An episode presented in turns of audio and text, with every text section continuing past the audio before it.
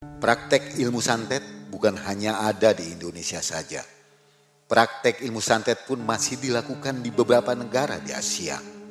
Seperti Thailand yang dikenal dengan praktik dukun sami. Dan praktek ilmu santet dari India yang terkenal sadis dan kejam.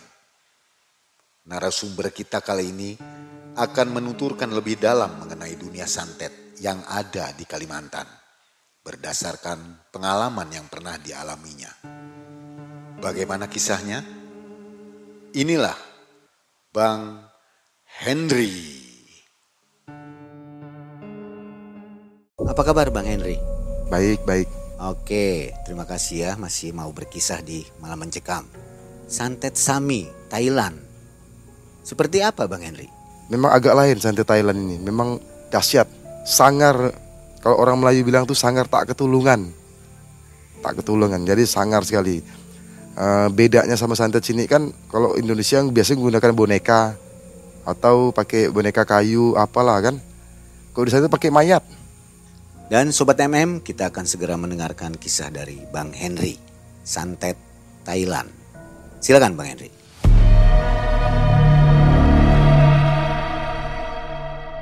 Pada saat itu uh, sekitar tahun kejadian tahun 9697. Jadi seperti biasa saya tuh uh, asisten guru saya uh, Abah tuh bagus uh, untuk pengobatan santet. Tapi kali ini ngobatnya bukan di Indonesia, tapi di Johor Baru. Jadi saya dengar uh, guru saya pun juga heran kok sampai jauh-jauh cari paranormal sampai ke Indonesia. Jadi makcik itu bilang, Abah, bukan kami tak mau obat, dia bilang. Jadi yang obat saya ini udah 8 orang. Gitu bahasanya, udah 8 orang. Terus gagal. Gagal. Abah bilang, kalau cuman gagal, tidak masalah Abah. Tapi gagal tuh dibuntuti dengan kematian. Ditanya sama guru saya, maksudnya apa makcik? Jadi gini abah, setiap orang yang ngobat tuh balik mati. Wah kaget guru. Jadi yang, yang uh, pertama diobat, gagal, keluar dari rumah mati, muntah darah mati. Itu mang eh ganas itu santetnya. Bukan nama menyeramkan lagi. Kata orang lain itu santet gila ndak ketulungan itu. Jadi dia ada basi berapa tahun gitu kan, datang lagi pengobat. Coba-coba ngobat, balik mati jadi tidak main-main santetnya, bukan kaleng-kaleng. Mati. Kedua kali. Obat lagi ketiga kali. Mati lagi. Tidak main-main, tidak ada kata orang tuh sakit. Yang ngobat mati. Yang diobat tidak sembuh, yang obat malah mati. Muntah darah, keluar darah. Sampai yang ke empat, ke lima, ke enam, dan ke tujuh sama mati. Coba, Mang Epi kira, pernah dengar kasus kayak gini? Itu kan gila santet jadi saya pun dengar pun langsung down nggak? Kita kita nih orang bodoh yang tidak berilmu. Ini kok jadi asisten di berat nih obatnya. Jadi guru saya pun sempat abah tuh bagus sempat diam sejenak kan. Terus makcik yang kelapan gimana? Yang kelapan tidak mati abah ada bilang. Tuh bahasa logatnya seperti itulah. Kalau yang kelapan abah tidak mati orang tuh dia bilang. Cuma matanya pecah sebelah kanan buta Coba. Kira-kira kalau kalau Mang E jadi paranormal berani enggak ngobat seperti itu? Saya pun enggak berani. Kalau cuman ngobat enggak sembuh enggak ada efeknya ya enggak masalah kan. Ini efeknya mati nyawa taruhannya. Itu sempat guru kaget. Udah. Kata guru, kasih saya waktu dulu untuk wirid dulu. Nanti untuk uh, berangkat sana kita hitung waktunya dia bilang. Oke, nah di situ kami diskusi sama Abah tuh. Jadi Abah tuh seperti biasa kalau untuk kasus yang berat, beliau itu wirid dulu, puasa dulu, wirid dulu kan. Seperti itulah. Nah, sekian berapa hari kemudian, Abah itu cerita sama saya, Hen, bilang. Ternyata ini santet, bukan kaleng-kaleng Hen bilang. Wajar kalau mereka mati. Saya orangnya penasaran orangnya. Saya ini penasaran nih, Maksudnya kayak, kayak mana bah? Santetnya bah? Apa kesama seperti orang? Enggak, lain ini. Di dalam wirid abah itu jelas yang nyantetnya orang Sami Thailand dia bilang. Jadi Sami itu apa? Sami itu dukun Thailand, sebetulnya Sami. Jadi mereka itu Hen, nyantet dengan mayat. Jadi bukan bukan seperti orang kita nyantet pakai boneka, bukan. Pakai ya semacam apalah. Kalau mereka pakai mayat betul-betul mayat. Dan yang ngerjakannya tiga orang, tiga Sami itu. Jadi mayat itu dipasang ramu-ramuan perut, perut perut bayi itu dari belah dipasang ramu-ramuan ya, mungkin segala macam uh, syarat-syarat untuk nyantet lah kan. Kemudian mayat itu di, dilenggang lenggang. Itu apa ya bahasa Indonesia digoyang-goyang di atas api itu. Jadi dipanggang di atas bara api dengan bunyi musik. Dong dong. Bayangkan abah baru cerita saya udah gemetar lutut saya dengar. Belum pernah saya temu ketemu cerita seperti ini kasus udah bergetar. Itu Mang E saya pun sebenarnya dalam hati nih mudah-mudahan saya tidak dibawa Abah. Karena lain gitu. Nah, kemudian setelah waktunya udah pas sesuai dengan Abah tentukan, karena Abah menentukan waktu itu biasa puasa wirid dan mendapat petunjuk. Dah, Abah telepon ke Johor Baru, bilang sama makcik kami udah siap berangkat. Udah makcik gembira kan, udah makcik bilang besok Abah berangkat. Nah, tadi Abah bilang, jadi Abah berangkat sendiri, tidak dengan saya. Karena saya ditugaskan untuk bantu dari jarak jauh beserta jemaah-jemaah lainnya. Padahal yang anehnya, yang anehnya nih Mang E, baru dapat tugas gini lutut kita tuh udah gemetar. Memang benar kata Abah, pilih saya tuh memang bukan takaran kita orang biasa. Udah sampailah akhirnya Abah berangkat esoknya Abah berangkat, sampailah ke Johor Baru. Begitu udah so, sampai Johor Baru, Abah telepon kami kan, kami udah sampai di Johor Baru, Mang E. Jadi Abah udah sampai di Johor Baru, kami nunggu di Pontianak ini kan. Uh, lihat kabar gimana kabar guru. Dah. Kemudian pas hari keberapa kemudian Abah mulai ritual lah di sana. Seperti kebiasaan Abah dalam keadaan puasa dia ngobat orang. Nah, di situlah mulai terjadi bentrokan. Dan Abah nelpon, keanehan pada malam keberapa gitu Abah udah telepon. Dia bilang, Hen bilang, baru abang mulai dalam berapa hari itu si Sami dukun Thailand itu udah tahu bahwa kedatangan lawan. Hari ketiga itu udah diserang dah. Jadi mereka bukan nyerang yang sakit lagi. Jadi mereka langsung nyerang ke Abah. Jadi Abah ya santai-santai saja. Mungkin abah karena ilmunya cukup kan? Tapi abah tuh masih penasaran apa sih efek dari perbuatan si Sami tadi ke makci ini? Jadi makci bercerita makci itu rupanya udah sakit selama 24 tahun. Jadi makci itu sebenarnya bukan untuk dibunuh tapi untuk dibikin hidup segan mati tak mau. Jadi abah tanya apa sebab makci mereka main santet? Karena persaingan bisnis. Jadi makci ini agensi rokok internasional jadi sangat kaya makcik ini. Jadi hampir hampir di era itu mereka agennya, agensinya. Terus dia agensi travel seperti bus gitu kan. Uh, jadi kaya. Oh miliarder. Kalau untuk ukuran Indonesia tuh duitnya udah ratusan miliar itu.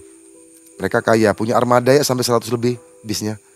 Armadanya belum belum angkutan truk-truknya kan. Jadi mereka tuh merasa bersaing, makanya mereka bayar Sami Thailand karena Sami Thailand ini mematikan. Itu bayarnya mahal, itu miliaran bayarnya Sami Thailand itu. Jadi efek apa makcik? Dia bilang, abah dia bilang, makcik ini sebenarnya udah udah mati hitungannya, udah mayat berjalan. Makcik ini kalau bersin ya bersin bersin itu keluar ulat, ulat ulat bangkai itu dari hidungnya. Jadi kalau batuk keluar ulat bangkai, kalau luka keluar ulat bangkai. Kalau maaf kalau dia buang air besar tuh keluar ulat bangkai.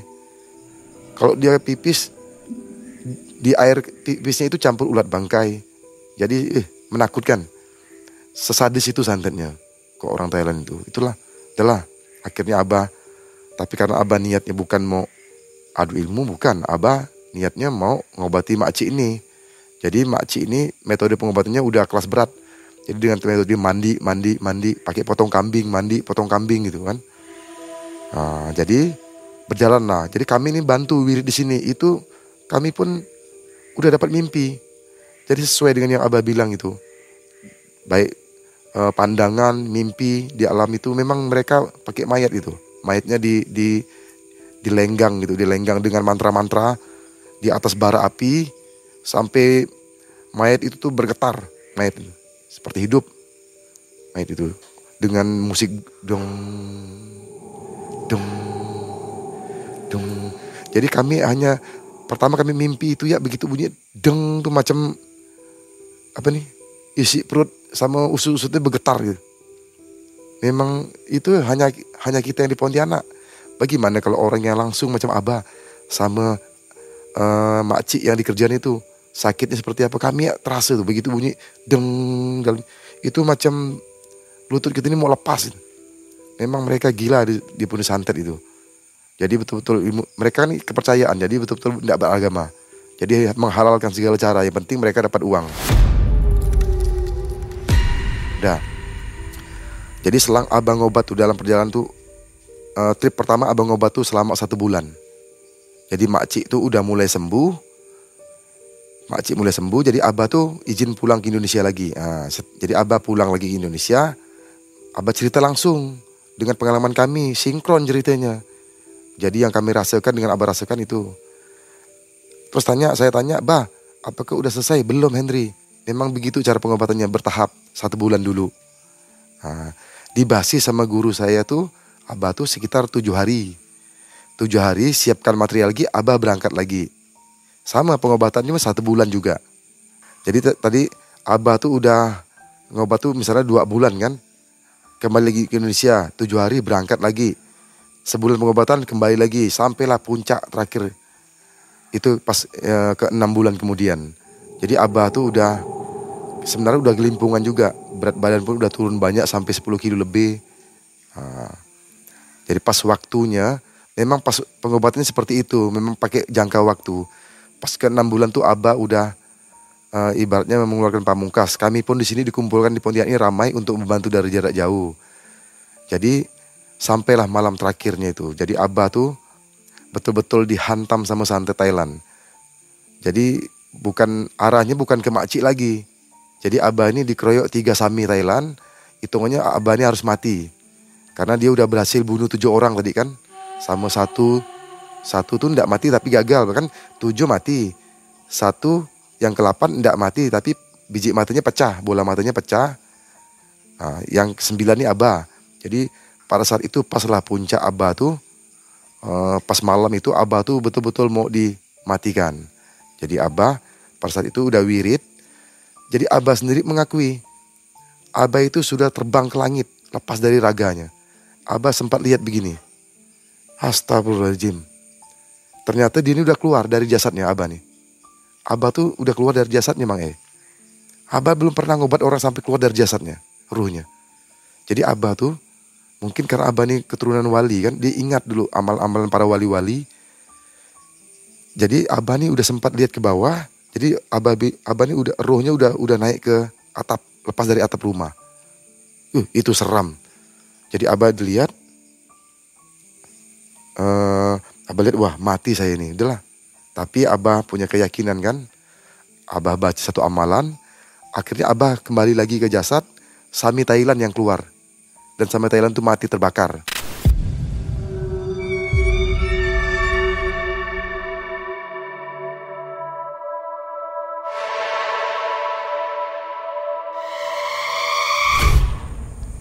Jadi uh, Sami Thailand itu saking getolnya, saking kencangnya dia ngelemparkan santet tuh karena mantul mantul mantul mantul akhirnya kena sendiri. Akhirnya bayi uh, mayat bayi itu terbakar, Saminya pun terbakar. Jadi mati dalam keadaan terbakar semua. Nah udah, jadi Abah selamat tapi uh, jangan bilang Abah menang tuh lalu sehat. Abah tetap sakit. Jadi Abah tuh mengalami sakit tuh dua minggu. Sakit. Jadi sakit, Abah sakit. Udahlah, akhirnya singkat cerita nih, akhirnya makcik pun sembuh. Dikontrol Abah kan, ada Abah pulang. Abah pulang lagi ke Indonesia. Jadi totalnya Abah tuh di Malaysia itu hitungnya sebenarnya enam bulan jadinya. Abah enam bulan, Abah balik ke Indonesia, menanyakan kondisi kami yang bantu seperti apa. Bah, sama bah, di Pontianak kami kacau bah. Pikiran kami rusak. Karena ini bah, belum pernah kami bantu. Bukan bukan kita berhadapan langsung, hanya kontak lewat negara gitu ya kita bisa bisa blank otak kita dibikin. Maka saya bilang santet Thailand tuh gila santetnya. Mungkin kalau saya ngadapi mungkin saya pun juga mati. Uh, guru saya pernah bilang itu santet tiga tuh pernah guru saya hadapi santet Sami Thailand, India sama Pudu Afrika itu. Jadi pas pulang ke Indonesia tuh udah kami ngumpul kembali ngadakan selamatan di situ abah bercerita. Hen bilang baru itu abang lihat nyata manusia kalau bersin keluar ulat bangkai apa pun yang keluar dari badan itu ulat bangkai. Uh, dia bilang itu makcik ini sebenarnya udah uh, bangkai yang berjalan. Uh, jadi isinya itu udah ulat ya sebenarnya. Tapi itulah karena memang makcik sendiri pun ingin sembuhnya tinggi kan dan memang belum waktunya mungkin kan akhirnya sampai ketemu abah nih saya pun juga bingung bagaimana bisa ketemu abah bayangkan ya Pontianak sama daerah Malaysia kan jauh dari mana dapatnya saya pun tidak tahu itu. Saya pun di luar nalar manusia biasa itu. Mang E. Dah. Jadi itulah. Jadi Abah Yus nih guru saya ini bercerita langsung dengan saya. Dia bilang santet Thailand tuh memang betul-betul kafir ilmunya. Jadi dia belum pernah di Indonesia tuh melihat orang nyantet pakai mayat. Jadi mayat itu diambil uh, mayat yang mati dalam perut itu diambil dalam beliau itu jelas katanya cara ngambilnya seperti apa, ritualnya seperti apa, menggunakan mayatnya seperti apa. Makanya kebanyakan tuh kalau orang-orang Sarawak pun bilang, orang-orang mana lah, kalau udah ada santet ini pasti mati, boleh dikata 99% mati. Matinya tragis gitu. Karena mereka kan bayarnya mahal. Kalau hitungan rupiah tuh pada saat itu mungkin sekitar 1 M setengah gitu lah.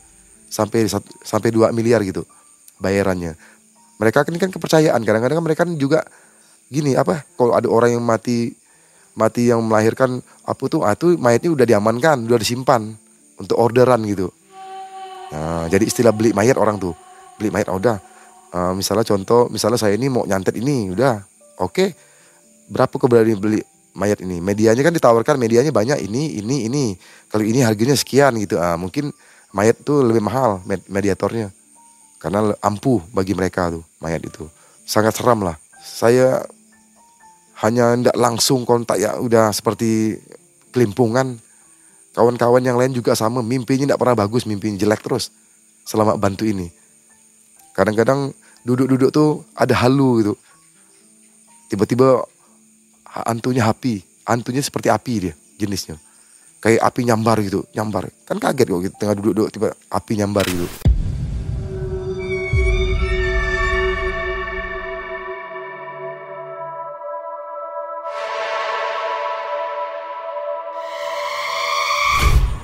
itu terbawa mimpi sampai nyata itu.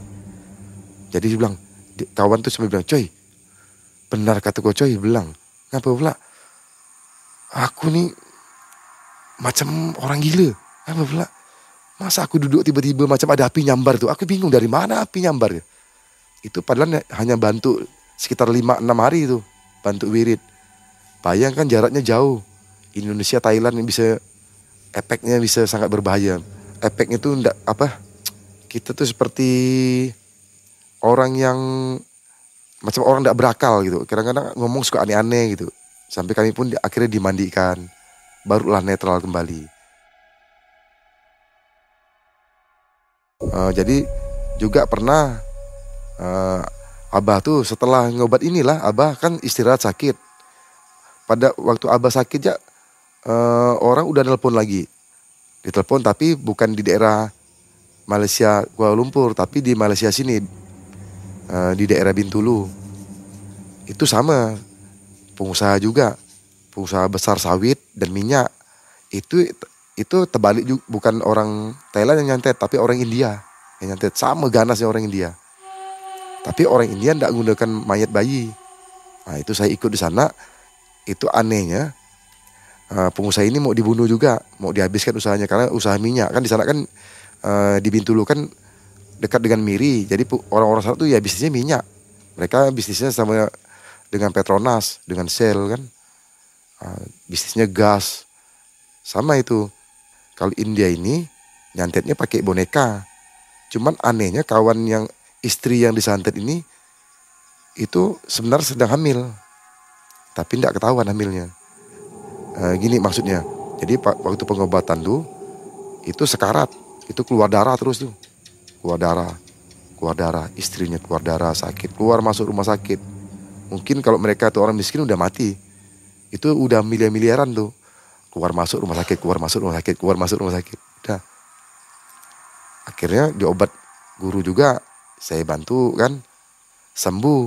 Nah, yang anehnya ada keanehannya. Padahal yang mau dihantam tuh suaminya, tapi karena uh, santetnya ganas, istri pun kena efeknya. Nah, ini keanehannya gini Bang E.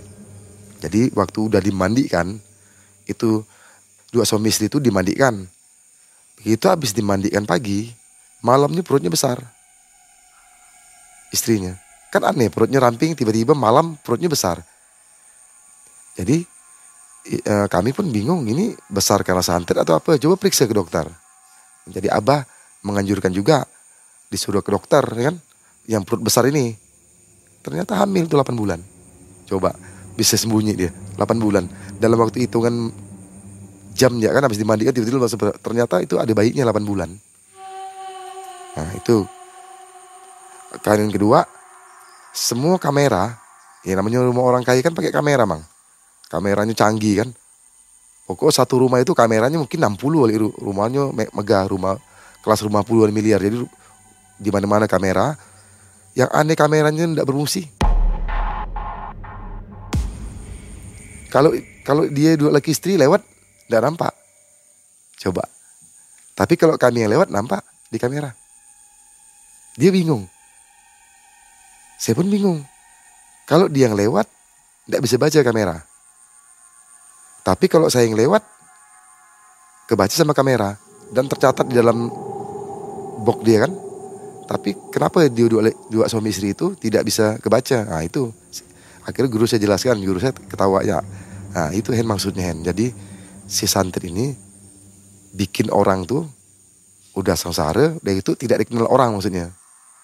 Bayangannya digitalnya tidak bisa jejak rekamnya. Jadi orang tuh tidak mandang dia lah gitu. Jadi kalau bisnis tuh, misalnya ini ada lima orang, lima orang yang bakal dipilih sebagai rekanan jadi orang tuh tidak mandang dia gitu, mandang yang lain ya. Itu maksudnya. Paham Mang ya? Mang Ayah paham. Jadi dibikin tuh dia ini tidak nampak. Jadi tidak tidak kepilih kan kalau tidak nampak. Jadi yang dipilih kontraktor lain misalnya itu tujuannya itu. Selamanya selagi belum diobat tidak nampak. Tidak nampak. Jadi dikiranya rusak kameranya. Gitu. Jadi ada sih kadang-kadang nampak, kadang-kadang tidak. Berarti itu termasuk jenis santet apa Bang Henry? Itu jenis santet itu menghilangkan ruh. Jadi untuk tabir sama itu. Kami ngobat pun diserang juga. Dihantam juga, tidak main-main itu. Itu jenisnya hantunya itu hantu tanah itu. Bentuknya macam tanah mau makan mau makan kami itu itu jenisnya. Itu jenis hantu tanah. Nah, mereka tuh sama dengan musik, nyantetnya dengan musik. Kok Thailand tadi kan dong dong kalau India lain dia susah saya mau gambarkan gimana ya pakai suara-suara ah, gitu lah pakai mantra-mantra dia lah. Nyanyian-nyanyian kuno itu seperti itu India tuh. Jadi nyantetnya pokoknya kalau kalau udah santet India sama Thailand jangankan pasien yang obat harus mati. Jadi karakter santetnya seperti itu. Kalau santetnya orang kita tuh biasanya udah nyantet ya udah. Serah lah kalau mau sembuh atau enggak itu. Nanti begitu ada yang orang obat sembuh ya syukur-syukur. Tapi kalau orang sana enggak mau mereka betul-betul profesional mereka nyantet harus berhasil. Kalau gagal dia lihat siapa yang gagal. Yang gagal kan itu harus mati. Itu prinsipnya. Jenis santet berbeda dari dua negara Bang Henry ya. Kalau dari Kalimantan sendiri ada berapa jenis santet itu? Termasuk banyak juga contoh ya. Kalau di Kalimantan nih yang setahu saya yang memang kalau nyugi-nyugi bukan, itu memang orang Kalimantan belajar dari luar. Tapi kalau yang sifatnya main racun, nah itu santet sini.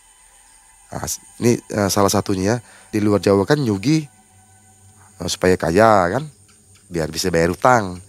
Kok di sini aneh, uh, dia ngambil ilmu ini korban, korban darah anaknya. Kadang-kadang nyawa anaknya yang diambil, hanya untuk demi apa? Untuk demi punya racun. Jadi racun hidup namanya istilahnya. Kalau kalau istilah orang punya anak bilang tuh racun hidup. Emang eh paham racun hidup. Kalau racun fisik kan kita harus ambil materialnya, masukin gelas gitu kan. Itu racun racun fisik. Tapi kok mereka namanya racun hidup. Jadi racun hidup tuh ada ciri-cirinya, kukunya ada hitam. Jadi kalau dia ngeracun tuh gini nih tangannya. Tuh gitu. Saya contohkan ya. Misalnya saya mau ngeracun tuh orang situ. Udah, saya baca mantra cukup gini kukunya. Udah dibaca mantra, disentil gini sama dia. Ah gitu. Itu masuk ke gelas gitu tuh. Bukan fisiknya tapi ruhnya. Udah suka-suka mereka yang ngatur. Mau kenanya besok atau tiga hari lagi atau seminggu lagi atau sebulan lagi atau tiga bulan lagi. Coba kalau kalau kalau sampai Mang E gitu kan, tang masuk ke gelas. Mang E minum, dia bunuhnya pelan-pelan, dikenaknya nanti tiga bulan. Coba, tiba-tiba Mang E tiga bulan kemudian keluar darah, mulai keluar darah. Coba, kan tidak bisa ditebak dari siapa yang kerjakan. Mungkin kalau Mang Mang E berangkat ke daerah sini, balik muntah darah, Mang E bisa curiga, oh ini orang sini nyantai, nyantai kan gitu. Benar enggak? Nah, tapi karena mereka bisa ngatur waktunya, bisa kenanya tiga hari, empat hari ya tuh. Salah satu santet ini santet racun namanya. Nah, kedua juga santet air pasang. Itu terkenal di sini. Mang E pernah dengar santet air pasang. Jadi kalau orang disantet itu nanti perutnya besar. Kalau air pasang besar, perutnya besar. Kalau air surut, perutnya sekempes-kempesnya. Bayangkan. Habis itu nanti pas habis itu udah di, perutnya dibesarkan, dikecilkan lagi sekecil-kecilnya. Rasa remuk tulang itu. Itu santetnya orang sini. Jadi santet air pasang namanya. Nah, juga di sini santet hantu laut. Nah, jadi dia main hantu laut. Karena di sini eh, bagian tertentu daerah eh, Pontianak ini itu ada kampung yang pengamal itu. Jadi mereka tidak bisa mati di air. Ini contoh ya, ini Mang, Mang E saya contohkan. Misalnya Mang E ini tidak suka sama dia, Mang E tangkap, kasih kakinya batu labu, buang ke laut. Lima tahun kemudian ya tetap hidup di laut dia. Dia tidak bisa mati di laut. Udah perjanjian. Jadi suatu saat dia dia bisa mati itu nanti di darat. Nah, tapi konsekuensinya kalau dia mati uh, jasadnya diambil. Itu jenis aman itu. Mereka main hantu laut itu. Itu sama ganasnya. Ganas. Ada juga santet namanya ampai. Belum pernah dengar kan? Nah, jadi ampai itu saya pun browsing di di YouTube nggak tahu ampai itu apa. Jadi ampai itu sejenis ini. Jadi ampai itu sejenis seperti rambut warna merah tali. Jadi katanya ini se, uh, sebangsa ubur-ubur. Nah, putusan dari ubur-ubur. Nah, itu ampai itu adanya di air payau. Tidak ada ada di air tawar. Tidak ada di laut lepas. Jadi dia antara air air tawar dan air payau itu ada namanya ampai. Mungkin kalau orang Pontianak yang nonton paham itu ampai. Jadi sejenis putusan bulu ubur-ubur. Tapi saya pernah nanya orang pelaut, pernah nengok induknya. Maksudnya itu eh, biangnya induknya gitu. Kalau ubur-ubur kan jelas bahwa talinya kan ubur-ubur kan ada tali-talinya itu. Nah, itu kan racun. Oh, ini oh kalau kalau tali ini induknya ubur-ubur seperti ini. Tapi kalau ampai belum pernah orang lihat induknya seperti apa. Jadi kadang-kadang tuh ampai itu seperti putusan endomi yang udah kembang tuh. Mak eh pahamnya endomi yang udah kembang itu. Nah, seperti itu pendek-pendek dia. Nah, itu ampai. Ampai itu ada dua jenis, merah dan kuning. Kalau tidak salah ya, itu merah. Ampai itu tidak uh, boleh tersentuh badan. Nah, ampai itu. Jadi kalau tersentuh sini, udah. Itu sama dengan rasanya disengat lebih lebih lebih sakit dari kena sengat pari. Jadi kalau kena sampai walaupun kena di ujung sini ke di ujung sini ke atau kena di mana lah sakitnya seluruh badan pasti tiga hari itu KO orang bisa muntah lumpur seperti orang kesurupan. Nah, cuman anehnya sampai tidak makan telapak tangan. Kalau kena di telapak tangan, tidak kena telapak kaki tidak kena dia hanya makan kulit ya, yang ada pori-porinya. Kalau telapak tangan ini malah tidak kena. Tapi kalau Mang E sampai terpegang sedikit ya, walaupun hanya 0, tersentuh dikit ya, itu hancur seluruh badan rasanya. Itu ampai. Nanti itu tuh ampai itu diambil. Entah macam mana cara mereka ngambilnya entah pakai alat diambil. Itu dijemur. Dijemur dijadikan tepung. Nanti ampai ini nih dimantra sama beliau sama orang dukun-dukun ini. Dimantra dicampur minyak entah gimana mereka cara ngerjakannya nanti itu dipakai untuk apa tahu enggak kira-kira untuk apa mang? Eh tahu? Itu enggak bakal ada di tempat lain saya yakin itu. Jadi nanti setelah udah jadi uh, minyak itu yang dari ampai itu udah jadi minyak oles nanti di, di, digunakan untuk di kaki untuk tanding bola. Ada pertandingan bola tuh kan? Nah, jadi kalau orang sampai apa kena tebak lah apa namanya? Bersampuk kaki gitu ya kalau main bola kan biasa kita bersampuk gitu kan kaki. Nah itu kaki lawan tuh bisa busuk sampai ke tulang. Kebanyakan digunakan untuk main bola atau untuk berkelahi kan. Misalnya dia, dia oleskan di sini nanti kalau kalau dia mukul lawan nangkis tangan lawan tuh bisa busuk. Busuk. Jadi hancur tangannya itu salah satunya. Pakai ampai itu.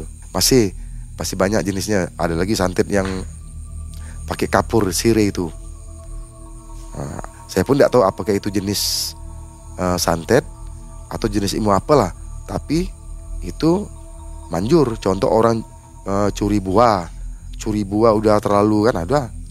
Mereka pakai kapur sire itu di palang gitu. Itu kalau ambil mati orangnya. Nah, itu sekira seperti itulah. Seperti kalau yang main pulung Pulung itu kan apa ya? Seperti bola api itu, yang pakai telur itu. Nah itu juga banyak di sini jenis itu. Saya rasa pun di juga ada ya pakai telur itu kan. Nah itu umum lah itu kan. Ada juga santet yang seperti binatang. Saya pernah ketemu orang ketapang dulu. Dia nunjukkan saya ada satu macam serutan kayu, serutan kayu yang udah di mantra campur racun. Jadi dia pernah lihatkan saya. Hen dia bilang, kalau kau punya musuh, kau bilang nggak sama saya. Kau bilang sama aku, dia bilang. Ngapa? Aku kasih waktu hidup dia tiga hari ya. Maksudnya apa bang? Mati dia bilang. Oh itu saya kan, ya karena kita nih baru kenal kan dia udah ngomongin seperti ini ya. Saya saya sih hanya kata orang Melayu itu istilah saya bujurkan kata-katanya apa ya istilah Indonesia ya. Saya ikutin lah. Jadi dia sekalian saya mau ngorek macam mana cara kerjanya barang ini. Jadi ini diambil dari kulit binatang dicampur kayu entah apa di baju mantra. Nanti ini uh, kalau dibakar wujudnya binatang buas. Uh, jadi orang tuh dibunuh tuh dimakan, jantungnya diambil. Jadi ke kebanyakan munculnya seperti serigala. Ini santet dia tidak seperti jarum gitu tidak terbang. Jadi kalau di misalnya ini contoh nih saya mau bunuh Mang E ini kan. Udah malam saya ritual, nah itu saya bakar ya serutan itu tuh saya bakar nanti muncul itu datang memang itu seperti serigala dia hanya makan jantung tidak makan yang lain. Pokoknya isi tidak makan daging dia makan isi dalam perut. Jadi kebanyakan santet ini yang mati itu uh, mayatnya kosong dalamnya. Jantungnya tidak ada sisi perutnya dimakan. Nah itu seperti itu. Itu jenis santet daerah sana itu. Itu. Saya sering baca dan dengar tuh masalah kemaluan yang hilang. Itu seperti apa itu? Oh iya, itu sih uh, umum lah. Itu udah memang terkenal dari zaman dulu. Sebenarnya saya tadi mau cerita itu kalau uh, rupanya Mang E udah baca ya itu betul. Udah saya udah ketemu orang yang pelakunya pernah, terus pasiennya pun pernah. Itu memang benar. Ini contohnya gini ya, misalnya Mang E ini naksir cewek nih, naksir cewek. Ini belum kawin nih, baru naksir nih akhirnya dia pun mau sama Mang E nih tapi dia udah jatuh cinta eh Mang E malah main-main kan pula Mang E ini cuman main-mainkan dia kan? Ya udah. Nah, jadi Mang E ini misalnya entah ini maaf ya misalnya Mang E udah dapat niduri dia lah kan udah dapat niduri dia udah dapat nikmatnya Mang E ini mau lari dari dia. Dia tidak larang dibiarkan. Mang E biarkan dia pergi. Tapi nanti lihat. Misalnya Mang E ini abis main di sini wah pulang kali ke jauh sana nanti Mang E lihat. Eh, kemaluan Mang E itu tidak ada. Nah itu tidak ada. Jadi kemaluan tuh bisa di, diambilnya. Jadi ada cuma bulu-bulunya ya. Itu bukan cerita bohong, cerita fakta itu. Itu kebanyakan di daerah Ketapang itu. Daerah pedalaman pedalaman daya itu. Jadi kemaluan gitu tuh nanti ada di dalam toples. Dimasuk dalam toples itu. Nah, ini maafnya batang biji itu dalam toples. Kadang ada yang digantung, digantung di dinding itu itu santetnya orang sini itu nah itu baru itu baru belum nikah. Macam mana yang udah nikah? Udah banyak ceritanya yang udah nikah tuh. Sampai si uh, yang apa? Si korbannya pun pernah cerita sama saya. Saya pernah bang nikah sama orang sini bang kita tidak uh, sebutkan daerahnya. Cuman daerah Ketapang tapi saya tidak sebutkan daerahnya ya. Saya pernah bang nikah. Ini tiba-tiba saya ditelepon. Karena saya nikah ini diam-diam. Ndak apa ndak izin orang tuanya. Dia uh, asalnya dari Surabaya. Jadi nikah sama orang sini kan? Orang pedalaman. Jadi ibunya tuh suruh dia pulang karena mau dijodohkan nah, jadi dia mau bilang udah nikah pun udah enak. Dan dia pun bilang sama istrinya pun ya bohong-bohong lah gitu kan? Apa? Akhirnya dia izin lah mau pulang. Padahal dia udahlah mau pulang ke Surabaya mau nikah lagi sana. Istrinya tahu. Istrinya tahu itu dia mau nikah mau nikah lagi. Karena oh, mereka kan berilmu bapaknya dukun-dukun besar kan. Dah dia pulang sampai sana nggak ada kemaluannya. Itu bisa diobati nggak bang Hendri bisa. Mereka tuh sebenarnya hanya nyandra istilahnya bahasanya disandra ya dah kan. Ini cerita fakta. Nanti suatu saat Mang E ketemu nanti orang-orangnya. Saya yakin kalau Mang E pergi ke desa nanti ketemu pelakunya sama korban pasti ketemu. Karena itu udah sering itu dari zaman zaman saya kecil dulu udah sering udah sering jadi yang yang tadi tuh orang Surabaya itu waktu pas mau uh, di bandara dia mau kencing itu ndak ada kemaluannya. Sampai dia ibunya sendiri menyaksikan ndak ada udah. Udahlah paman pamannya untung pamannya dulu pernah tugas di Kalimantan ngerti sama santri ini udahlah. Udahlah pulang lah ternyata kau udah nikah. Udahlah kami restui lah ya. Kembalilah dia sekali kembali istrinya ndak marah. Malah diguyon nih. Bahasanya gini cepat nggak balik pak. Iya itulah cepat nggak balik pak. Ndak gini gini telah ta aku tahu pula kau nggak mau balik. Cepat bilang. Ta kelamin kau di dalam dalam toples bilang. Di dalam toples tuh biginya nih maaf ya bigi sama batangnya di toples. Nah itu jenis santet orang sana itu. Kalau mau pipis gimana? Saya pun nggak ngerti tuh gimana ya. pokoknya seperti itulah dia ceritanya saya pun bingung gitu kok bisa gitu gitu pak? Saking sadisnya itu. Nah, mereka nah itu itu jenis santet itu dulu pernah juga kita kan dulu selain mati suka nembak. Enak-enak aja orang kampung tuh. Pandangan kita tuh itu batang kayu. Dia bilang itu rusak. Begitu dipotong daging. Saya sih berani makan. Kan gitu. Kalau kalau sekiranya Mang El di Jawa pernah enggak gitu? Kalau dia udah kepepet lapar udah pot cari ranting-ranting batang-batang yang udah jelek-jelek itu dipotong disembelih. Itu daging jadinya daging rusak. Ya seperti itulah. Kira-kira uh, ada juga jenis santet gini. Di sini kan uh, banyak orang berkebun. Nggak tahu kalau tekniknya orang Jawa berkebun sama orang sini berkebun ini gini. Di sini kalau orang berkebun tuh ke orang kota ya mungkin pakai setruman kebunnya di pasar setruman tapi kok di kampung nggak pakai setruman buahnya melimpah ruah sempat orang Jawa datang ketemu saya bang di sini kebunnya melimpah ruah bang nggak diambil orang ya saya bilang pakai bahasa Melayu, kalau kau berani ambil coba ya, bilang. Emang kenapa bang? Nah, jadi khusus untuk jenis santet jaga kebun tuh ada istilahnya namanya kibang ayu-ayu. Pernah dengar enggak? Kibang ayu-ayu. Jadi kibang ayu-ayu itu uh, termasuk uh, ndak bunuh, cuman jenis segini ya. Uh, saya bingung menjelaskannya. Kibang ayu-ayu itu biasanya seperti botol itu, botol yang dalamnya ada mantra-mantra lah digantung di pohon. Nanti kalau orang ngambil buah itu, ya tidak bisa ke mana-mana. Hanya putar-putar situ ya. Selagi yang punya kebun tidak tegur, tidak maksudnya tidak menyapa, sampai mati dia mutar-mutar di situ. Ini contoh nih, misalnya saya punya kebun di hutan, saya pasang kibang ayu-ayu, Mang E ngambil buah saya. Udah, Mang E tidak bisa pulang. Putar-putar situ ya. Kalau seandainya saya tidak muncul lima tahun ya lima tahun Mang E di situ muter-muter. Nah, ada juga yang jenisnya pakai kapur sirih. Nah, itu lebih keras lagi. Kalau kibang ayu-ayu tidak bunuh sebenarnya hanya membuat orang jerak, tidak bisa pulang. Tapi kalau yang pakai kapur itu biasanya sakit perut mati. Jadi buahnya diconteng pakai kapur. Yang ngambil makan mati. Nah, itu minimal sakit perut mati. Mau 10 orang yang makan 10 orang mati gitu. Tuh jenisnya. Jenis santet itu tuh. Sampai saat ini masih berlaku itu? Masih. Kalau daerah di kayaknya kalau di kota ya saya kan sering mancing nih masuk masuk ke daerah pedalaman pedalaman itu yang masih ada tuh malah di bukan di daerah Dayak kalau yang yang pakai conteng kapur itu itu biasanya di daerah-daerah orang-orang Melayu. Orang-orang Melayu tuh yang main kapur conteng itu biasanya orang-orang Bugis tua-tua tuh. Tapi sekarang sih udah kurang tidak seperti dulu kan orang kan udah apa ya udah mungkin udah udah modern lah kan. Kok sekarang kan orang curi bukan untuk jual hanya untuk makan. Kalau dulu kan orang curi pakai karung pakai pakai karung pakai gerobak itu bukan curi memang untuk jual gitu.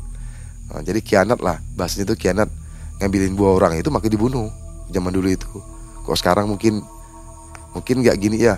Kok orang-orang dulu kan ilmunya masih ada. Mungkin begitu keturunan sekarang anak-anak mereka udah modern udah main HP mungkin dikasih ilmu itu nggak mau. Tapi masih ada ilmu itu masih ada nggak banyak. Sudah nggak banyak lagi. Dari sekian banyaknya kisah Bang Henry kira-kira pesan untuk orang-orang yang ingin merantau ke Kalimantan khususnya Pontianak apa Bang pesan-pesannya saya rasa kalau pesan-pesannya kayaknya sama lah dengan kita pergi ke daerah mana pun.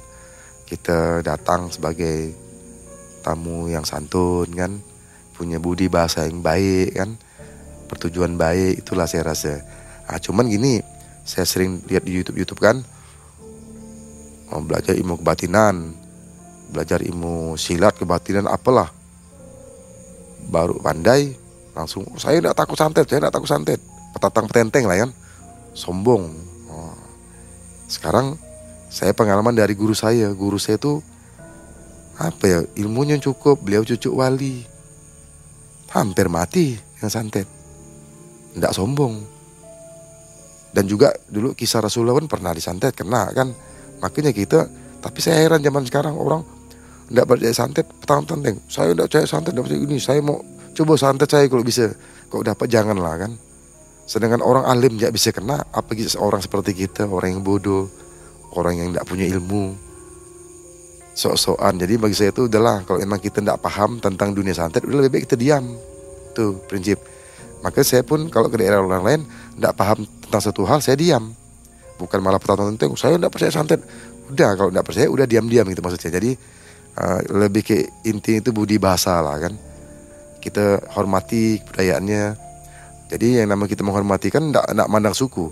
Mau di Jawa ke Bugis ke Dayak ke Madura ke atau mandang agama mentang-mentang kita muslim dia bukan muslim ini jangan. Jadi kita uh, seperti pesan orang itu NKRI jadi kalau walaupun beda suku beda agama udah kita saling menghormati. Nah, kita punya budi bahasa yang baik kan. Saya rasa itulah pesan saya itu. Sobat itulah kisah yang sangat luar biasa dari Bang Henry apa yang kita dapat dari kisah ini ternyata santet itu memang luar biasa ya. Apalagi ini santet dari Thailand atau disebut Sami Thailand. Mudah-mudahan kisah ini memberi banyak pelajaran untuk kita semua ya. Jangan lupa untuk selalu mendekatkan diri kepada Allah dan tingkatkan keimanan kita. Akhir kata Mang dari Kalimantan Barat, Pontianak undur diri. Sampai jumpa di video selanjutnya. Assalamualaikum warahmatullahi wabarakatuh.